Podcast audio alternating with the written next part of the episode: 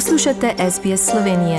Prisluhnite še drugim zanimivim zgodbam na sbsp.com.au pošiljka Slovenije.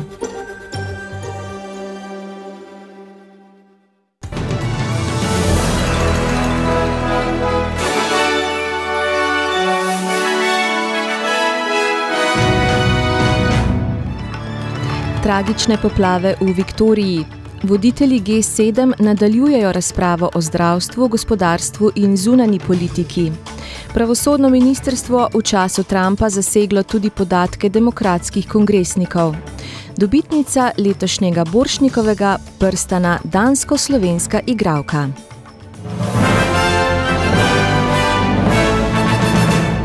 V Tralgan Kriku v Viktoriji so razglasili evakuacijo, potem ko je druga oseba postala žrtev poplav. Žensko, ki so jo našli mrtvo v vozilu v kraju Glenfine na jugozahodu države, naj bi pogrešali v bližnjem Simpsonu. En dan prej so v potopljenem, potopljenem avtomobilu pri Woodsideu našli mrtvega moškega. 121 tisoč gospodinstev v Viktoriji je še vedno brez električne energije, nekatera tudi tretji dan. Svetnica okrožja Latrobe Sharon Gibson je dejala, da so klicni centri preobremenjeni. We have areas in our municipalities that have been told you won't get power back until Sunday. Our customer centre received hundreds of calls yesterday. Um, from anything from trees down, and there was 90 odd requests for just the, the trees for our tree crew alone yesterday. Urad za meteorologijo svari, da so poleg zmernih in manjših opozoril o poplavi trenutno prisotna tri glavna opozorila pred poplavami. Zdravstveni uslužbenci v Viktoriji so v pripravljenosti na nove primere COVID-19, kljub temu, da država ni zabeležila novih primerov. Včeraj je bil prvi dan brez prenosa v skupnosti, potem ko je Melbourne izstopil iz lockdowna. Vršilec dolžnosti premijeja James Merlino pravi, da čeprav je to dobra novica, prebivalci Viktorije ne smejo biti preveč zadovoljni. Nekatere omejitve ostajajo, prebivalci Melbourna še vedno ne smejo potovati v regionalno Viktorijo. Viktorija sodeluje tudi z zdravstvenimi oblastmi v New South Walesu in Queenslandu ter nadaljuje sledenjem para pozitivnega na COVID, ki se je odpeljal na sončno obalo. Policija v Queenslandu je sporočila, da je bilo pet prebivalcev Viktorije, ki so nezakonito prečkali mejo, kaznovanih in prepeljanih v karanteno.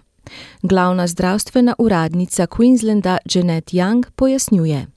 The viral load was very low. So we just need to continue with what we're doing. But I am confident that if people do continue as they've been going, that we should be able to manage this going forward. But it's a little bit too early to relax.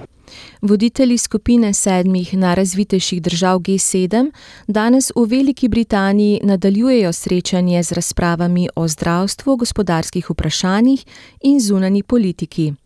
Osrednja tema ostaja boj proti pandemiji COVID-19.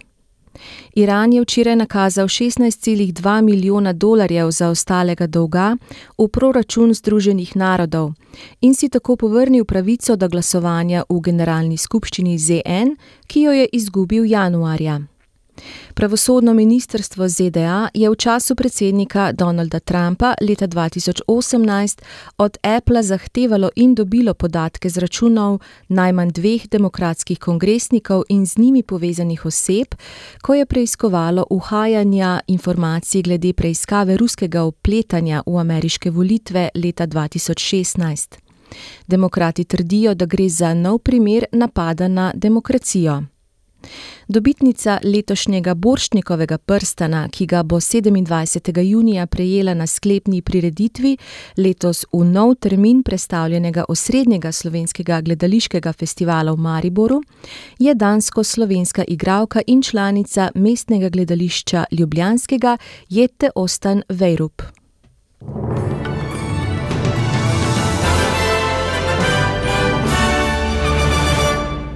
Poglejmo še menjalni tečaj in vreme.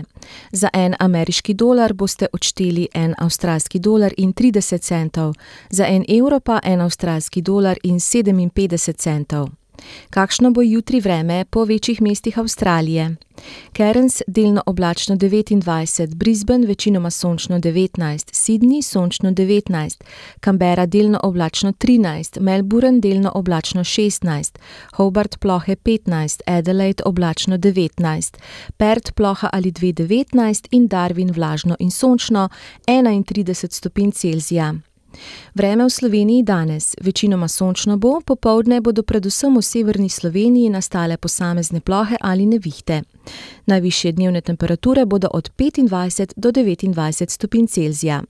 To so bile novice medijskih hiš SBS in STA.